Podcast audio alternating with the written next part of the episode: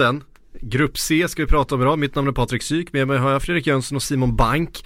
Eh, det är alltså det tredje avsnittet, den tredje gruppen vi ska gå igenom och analysera. En grupp som har en av de stora favoriterna i det här mästerskapet i alla fall. Eh, skulle jag ranka dem så, nämligen Frankrike. Vi har Frankrike, Australien, Peru och Danmark. Välkomna hit! Ni peppade på Grupp C? Ja, som vi är. Som mm. du sa, Frankrike är med. What's not to like? Precis. Eh, ska vi börja med Frankrike helt enkelt? Vi liksom river av eh, godispåsen eh, direkt och ger oss in i det här ändå rätt favorittyngda Frankrike, väl? Ja. Ja, alltså i gruppen, det är, en, en drömlottning hur man än vrider och vänder på det. Eh, för Frankrike, för Deschamps. Sen så har de sina problem. Tittar man på, på papper så är det här ett av, ett av världens absolut bästa lag. På, på planen har de inte varit bättre än att, eh, att Ola Toivonen kan skjuta dem i sank. Så de, de har problem och det finns en, en kritik även om Deschamps alltjämt är en populär karaktär i, i Frankrike så, så finns det mycket kritik mot att han han har en tendens att låta sina lag bli en spegelbild av den spelaren han själv var. Det, det ska vara ordning och reda, det ska vara väldigt mycket eh, aggressivitet, väldigt mycket fysik eh, och kanske på bekostnad av kreativiteten och konstnärligheten. För det är ju ett lag som Alltså det finns ju så mycket spelare, det finns så mycket att välja och vraka kring. Eh, vilket ju också då öppnar upp för kritik att ja men du kanske skulle tagit ut Tolisso istället för Pogba eller du kanske skulle spelat ja men hur man nu eh, väljer då va och det, det blir upp till Deschamps och eh, det man då kanske kallar ett angenämt problem i många fall kanske blir ett, ett ganska oangenämt problem till slut för Deschamps eller vad tror du? I Frankrikes fall har det väl varit så många gånger. Eh, utåt sett så har man väl alltid tänkt att det är en inställningsfråga. När man ser att Sverige åker dit och gör så pass bra match som de gör så tänker man att fan, Frankrike har så mycket kvalitet så det är en inställningsfråga. Det är därför Sverige överhuvudtaget tillåts ta ledningen. Så var det ett fantastiskt mål också. Och det är väl lite där man tänker på när man tänker på Frankrike förutom att de också tappade poäng borta mot, var det Vitryssland? Mm. Sprang in i en vägg där. Mm. Eh, om man inte riktigt visste. Sen var det Luxemburg också en runda där. Eh, och det är väl sånt som egentligen bara eh, det är en klyscha men det bara Frankrike kan göra.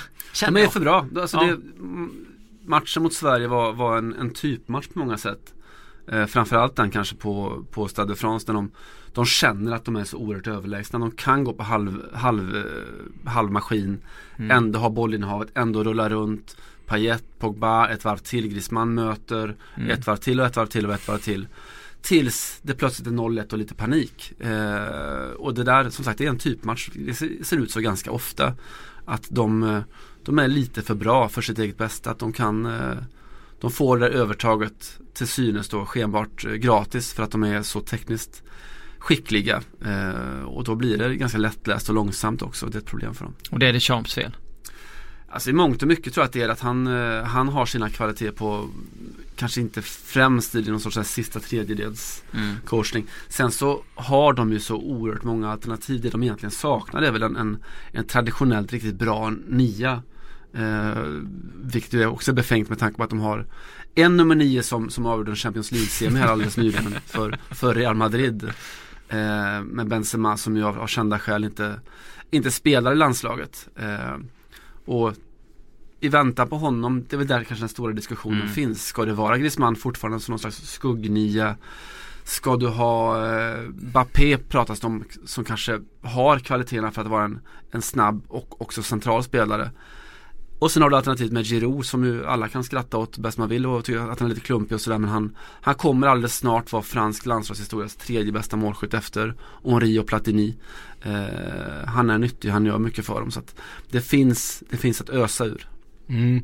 Och vi var inne på anfallspositionen här och, och, alternativen som finns. Så där ser det ut nästan på varenda position mm. eh, på hela laget. Kanske med undantag för målvakten där man saknar den riktigt stora stjärnan eventuellt och det är väl eh, Hugo Lloris som, som fortfarande är nummer ett eh, och som kanske är något plus mindre än eh, säg, den brasilianska motsvarigheten eller den spanska motsvarigheten eh, eller den tyska motsvarigheten beroende på hur Neuer mår. Eh, så det är väl kanske det enda, enda frågetecknet i den här startelvan eller? Ja, alltså det är så jävla svårt. Eh, det beror ju på om man, om man lutar sig mot hur han ställde upp i kvalet eller inte. Alltså jag, jag tänkte, jag har ju gnällt själv jättemycket över att Jiro har spelat många gånger. Jag tyckte att det har varit så här konstigt. Men tittar man på, på hans stats i landslaget så är det helt otroligt. Och tittar man på hans form i Chelsea ja, ja, nu så, så, är han ju eh, i ett fantastiskt slag och han har ju liksom verkligen haft det här VMet liksom hela tiden som sin morot under den här säsongen ja. och därför lämnade han så, Arsenal mitt under säsongen. Och har ju verkligen fått, eh, Så jag kan förstå vad du menar med att det kan vara en, en svag länk hos dem. Men det finns ju många frågetecken om man ska se utifrån att Alltså man har så jävla många alternativ. Jag vet när vi satt och pratade om, om man sitter och pratar om Spanien och annat så finns det så mm. mycket frågetecken för att vi har så många må, äh, olika alternativ. Kollar du på det svenska landslaget till exempel så är den elvan klar. Det är antingen ja. Ludvig Austinsson eller Martin Olsson som vänsterback. Annars är det samma gäng mm. hela tiden. Men det, riktigt så lätt är det ju inte att vara förbundskapten. Nej det är ju det liksom, alltså, eh, Vi har haft den här diskussionen många gånger. Man skulle kunna slänga ut deras C-lag och de hade inte gjort bort sig i ett VM. Eh, det är ju några, några länder som har de förutsättningar Frankrike är ett av dem. Mm. Men om vi nu liksom skulle försöka ta ut en startelva då, så som ni skulle vilja se den. Eh, så blir det ju Juris i mål. Eh, jag tror inte det, det, finns några tveksamheter där. Nej. Men en backlinje, hur skulle den se ut? CDB är väl den som har spelat nästan mest av alla i, i kvalet på ja. högerbacken och gjort det väldigt bra. Varit en mm. duktig spelstartare och så.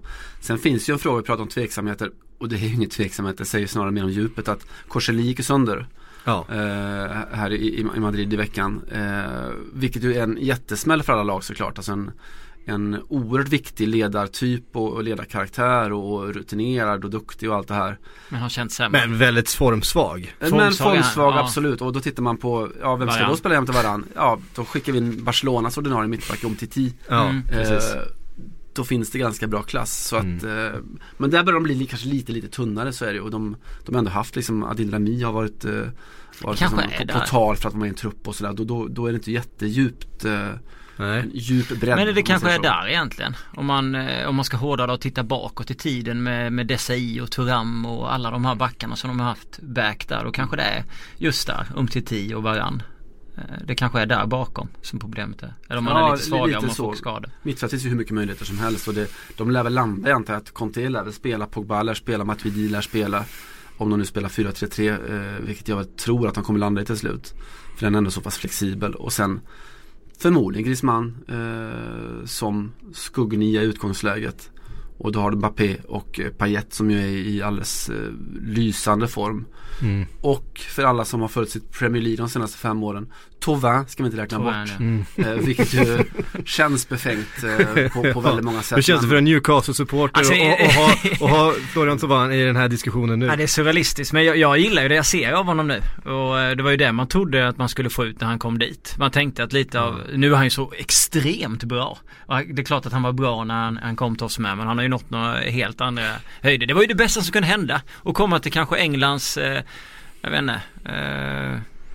Eh, svåraste klubb att trivas det var i. Väl, det var väl Pardew som eh, rattade skutan eh, då också? Han är rätt bra på att eh, pissa på lite franska spelare. Hatten Ben ja, det, det, det, är väl liksom den effektivt sämsta spelaraffär som någon klubb i princip någonsin har ja. De köper honom dyrt, lånar tillbaka honom, får inte ut någonting av honom, lånar tillbaka honom och så, så är han helt plötsligt en en potentiell världserövrare ja. och, och, och världsmästare och, och vad du vill. Han har inte spelat från start men, men de sakerna som han har gjort med OM eh, nu i vår eh, ja. Är, han, han är oerhört imponerande. Mm.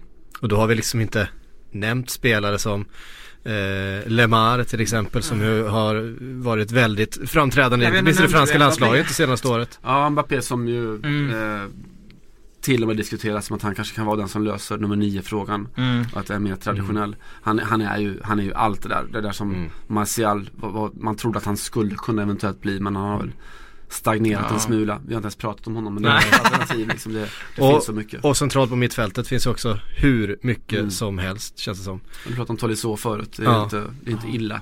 Nej, men jag menar Pogba, Mat Matuidi med vad har vi mer? Alltså, Sissoko som de i Newcastle brukar säga Ja, Sissoko, han var ju briljant han var alltså, EMs, final, var det finalen? EM, EM, EM-finalens överlägset bästa, bästa spelare. spelare. alltså, det, är helt, det är helt otroligt. Det känns som att han, han är rätt långt ifrån en 350 miljoner blir det va? Ja.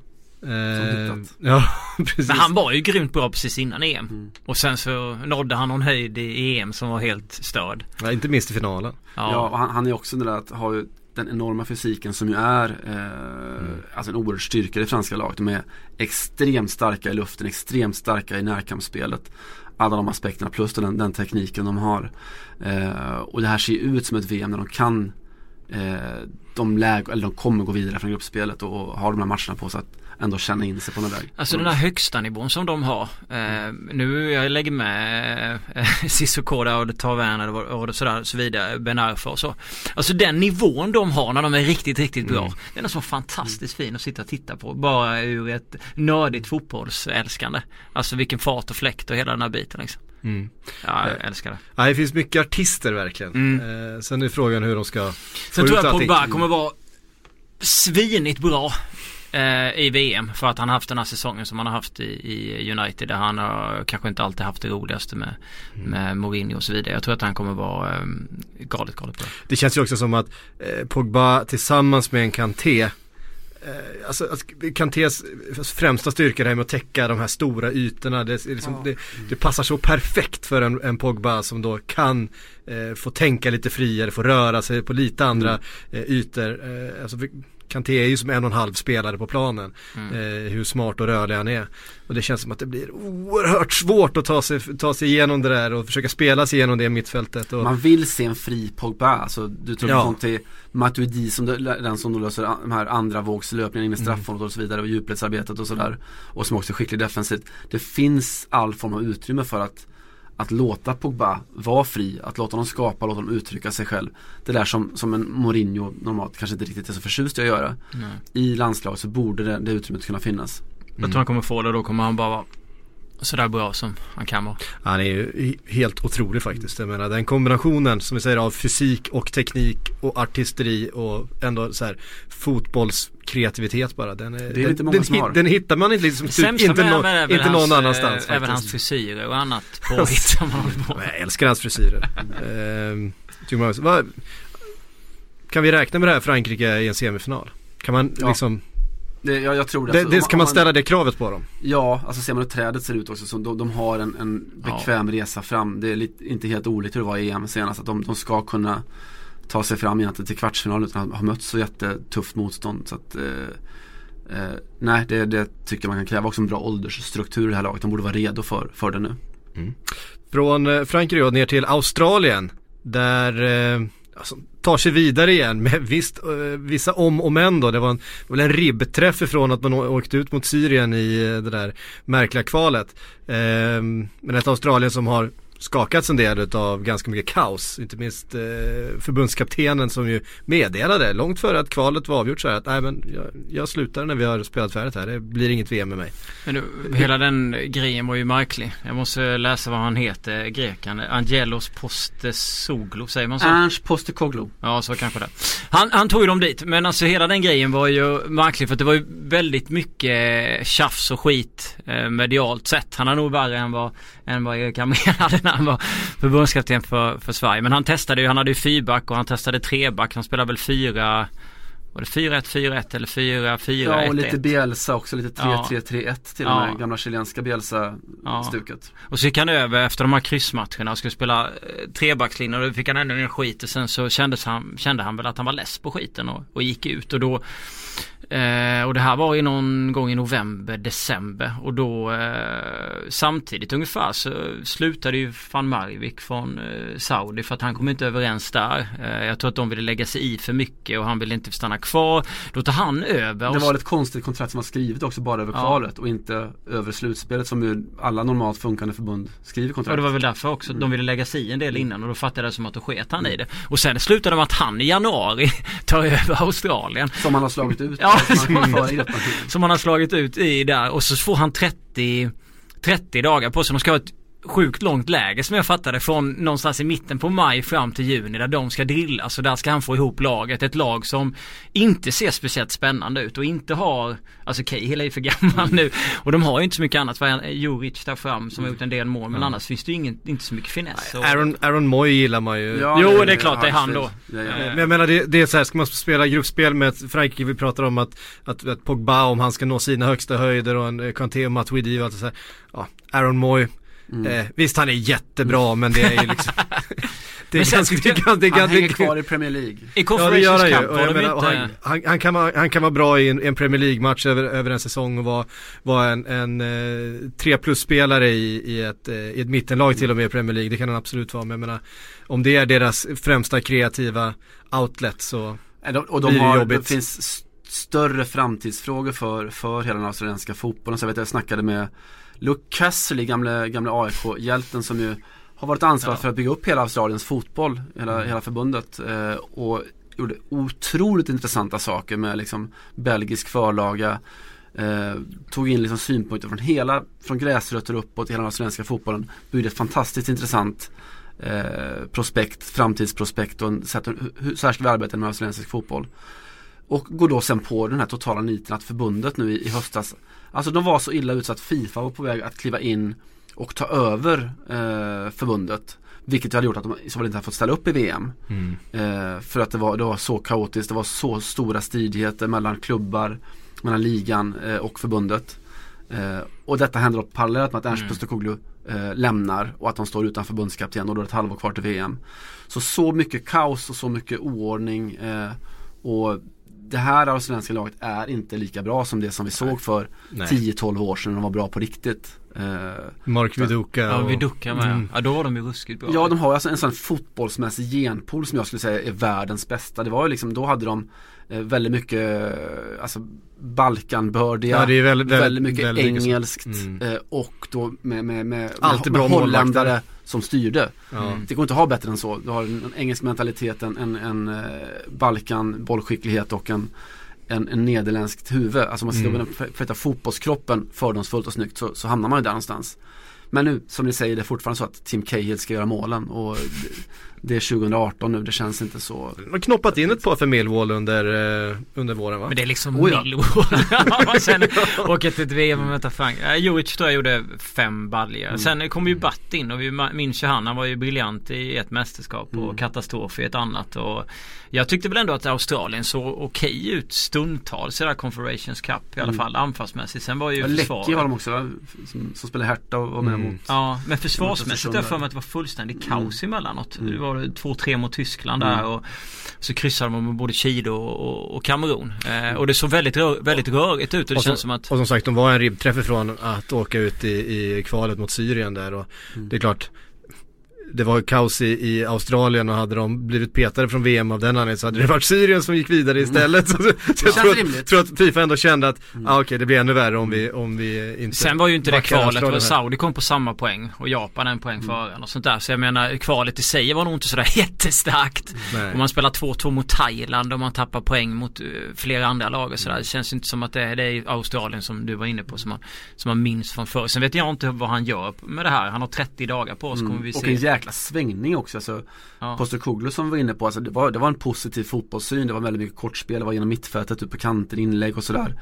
Alltså inte, som jag sa, de, de var, vissa matcher kvar spelade de 3-3-3-1 efter någon sorts Bielsa-modell. Mm. Bertrand Marvik, ja han är holländare men han är en andra sortens holländare. Den, den sortens holländare som, som holländare hatar. Det är Mm. en cynisk, ganska Ja. konkret, ganska långbollsorienterad fotboll. Alltså en, en 90 eller 180 graders svängning på många sätt mot vad Postecoglou sysslade med. Så att, tveksamt. Förresten, eh, vet ni vad australienska landslaget heter? Eh, ja, fan. Eh, ja det är... Eh, Eh, varför, varför, står, varför blev det så svårt plötsligt? All Whites är ju Är det inte eh, Eagles Eagles något va? Nej. Nej, de heter ju alltså det som ni söker efter är Socceroos. Socceroos ja. Det ger jag halvt fel för. De har nämligen sålt ut namnrättigheterna till Socceroos. De heter alltså Caltex Socceroos. Det är så som förbundet själva kommunicerar ut då att välkomna till matcherna med Caltex Socceroos. Socceroos. Caltex är alltså ett amerikanskt förmödande olje, oljebolag, Mm. alltså det som vi kallar väl Texaco i, i Sverige. Ja. Så Caltex Socceroos, det är lite som Socceroos. Ericsson blågult.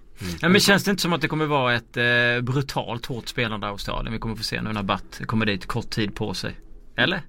Mycket, alltså det det blir väl moral antar jag. Moral, moral, alltså lite som det, det Nya Zeeland vi såg som gjorde succé i Sydafrika. Där har vi All Whites som jag var inne på. Just Ja. det, Mm. All Blacks. All Blacks är, är, är Rugbybolaget. rugbybolaget, All Ja, Whites för jag känner ändå även om han spelade bra fotboll innan där greken så, eh, eller ville spela i alla fall, så gjorde de ju för få mål för att mm. spela den typen av fotboll. De har ju liksom inga målskyttar. Det känns det som att Batt nu på, på kort tid, kul att man pratar med honom som förnamn, men, men att han på kort tid kommer liksom tre, fyra veckor, han, han, ska bygga någonting och man har i grunden vad det är för typ av förbundskapten. Mm. Och han ska bara göra det för han ska ju bort sen. Mm. Det är det som är roligt men han är bara inne efter VM. De har ju redan en, en mm. ersättare som ska komma efter.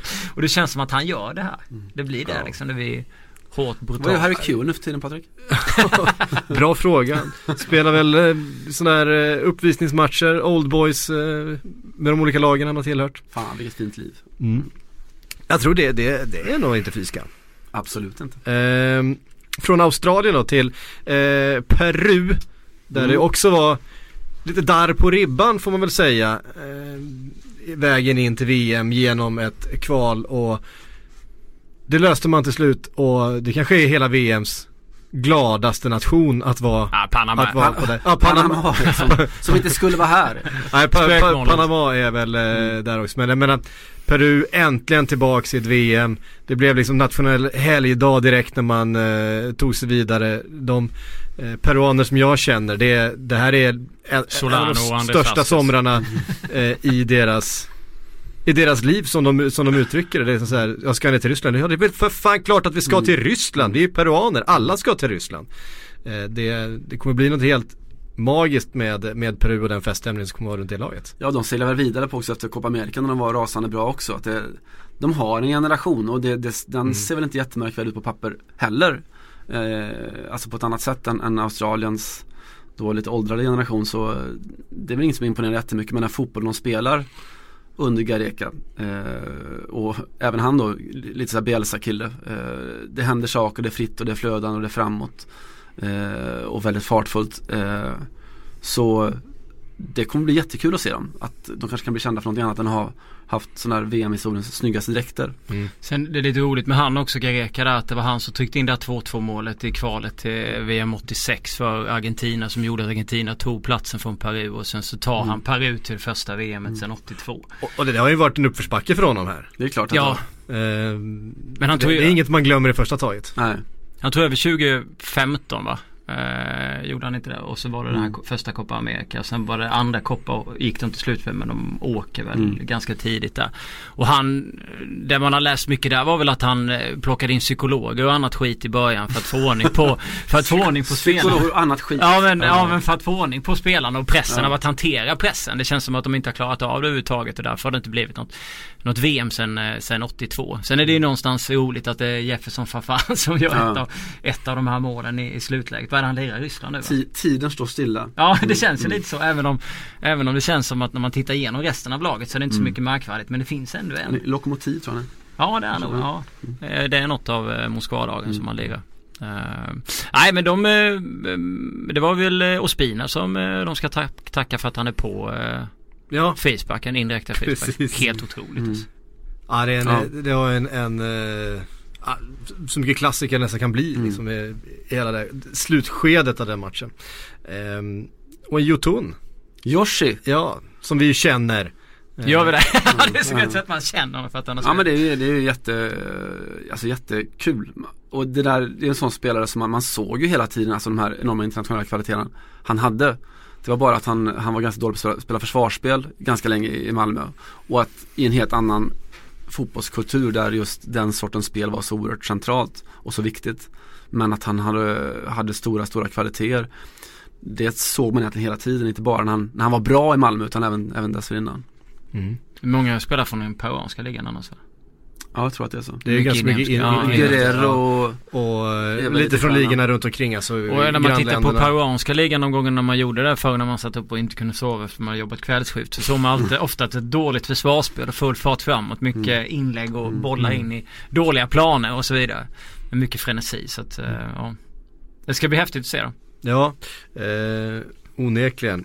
Från Peru då är ju steget förstås inte speciellt långt till Danmark. Så är det. Eh, ja det får bli via Jotun då, Malmö mm. och så bron över till, ja, till, till, Köpenhamn. Mm. Den resan kan vi ta. Var Björnen Paddington peruan eller? Var det så?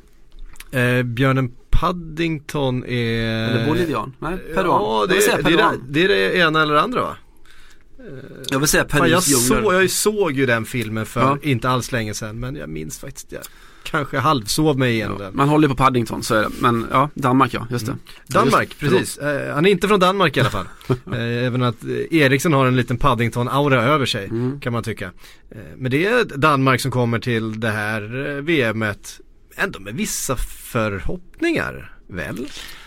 Ja, det, ja, De har väl alltså också de- lite generation. Ja, jo, men det får man väl ändå Absolut. säga även om det där kvalet, vad vann de första? Sen kom de här två torsken va? Mot Mm. Polen och Montenegro hemma. De är utbuade. Och sen Då- krossade de Polen. Ja, sen krossade de ja. Polen och jag tror de hade två raka torsk där rätt tidigt och sen så gick det ju genom hela kvalet Mm. utan, att, utan att förlora. Så att Åge hade det väl ett helvete precis i början när han Mm. fick ta emot de här buropen. Men sen så såg det ju bättre och bättre ut och sen så nådde man ju någon slags jättehöjd kan jag väl ändå tycka när man slår Irland och Eriksen gör, gör hattrick i den. Eh, så det känns som att han verkligen fick ihop kvalet från att börjat lite sådär och sen såg det bättre och bättre ut. Eh, sen så ligger så otroligt mycket på, på Christian Eriksson. Det är ju Mm. det är ju inget snack om saken. Ja, sen är- jag vet inte om vi pratar om att Frankrike har ett problem att hitta, en, en, en riktig nia. Lite har väl Danmark det problemet också, om vi ska- Ja. om vi ska sortera inom Niklas. Bentner. Niklas Bentner är väl den de hittar, och Jörgensen kanske, men det, det är ju kanske inte 2018 en, eh, en striker och en nummer 9 som gör att man tänker att det här blir nog en medalj.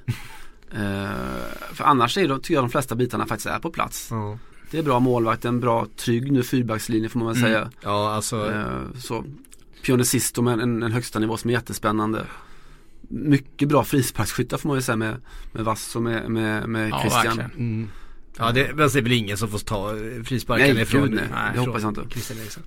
Ehm, Men sist då väntar man vä- väl ändå på att han ska ta Mm. ännu ett kliv. Det där klivet som man trodde att han skulle ta långt innan. Han såg så förbannat eh, intressant ut. Eh, men alltså Men bara utvecklingen de har haft på Andreas Christensen eh, Mm. den här säsongen har ju gjort att det här laget har gått till en, Ja. en annan nivå tycker jag. Verkligen. Men så. blir det har varit en, en av Premier Leagues bästa mittbackar. ja. Ja. Han, tar, han får den platsen nu eller? Han spelade ju Ja. högerback i kvalet. Ja, jag, jag, jag, jag kan se honom gå in där. Det måste han väl Ja, nästan det göra. känns vore så, helt det sjukt känns om han så. inte gjorde. Ja, men för det sättet som han fick den, den chansen lite eh, som en slump på Mm. grund av skador och så vidare och bara tog den rakt Mm. av, Ja. spelade moget och sen faktiskt blev central i det, det första namnet på det pappret som, som Conte tog ut i det försvaret. Mm. Eh, som det var under, har varit under stora delar av den här säsongen. Visst svajat lite i någon Champions League-match mot Mm, Barcelona, Barcelona. och så vidare men, Ja, svaja lite var, det var precis vad han gjorde. kill, men killen är 21 år gammal. Nyttig, alltså läropengar. Gud vad han kommer lära sig saker av det såklart. Men annars har det varit Bjelland och Kjär va? Och sen Mm. har Christensen eller Ankesen Mm. gått som högerback. Men jag menar Kristensson Kjär är ju, är ju ett jättefint mittbackspar. Jättebra och och framförallt så är Kjär nu eh, en sån fin ledartyp. Han kanske inte var det för tio år sedan då han var lite Då kunde han också gå bort sig lite här och var. Det gör han inte Ja. längre. Han är, han är den, den klok En klok pojke nu, en klok man nu. Mm.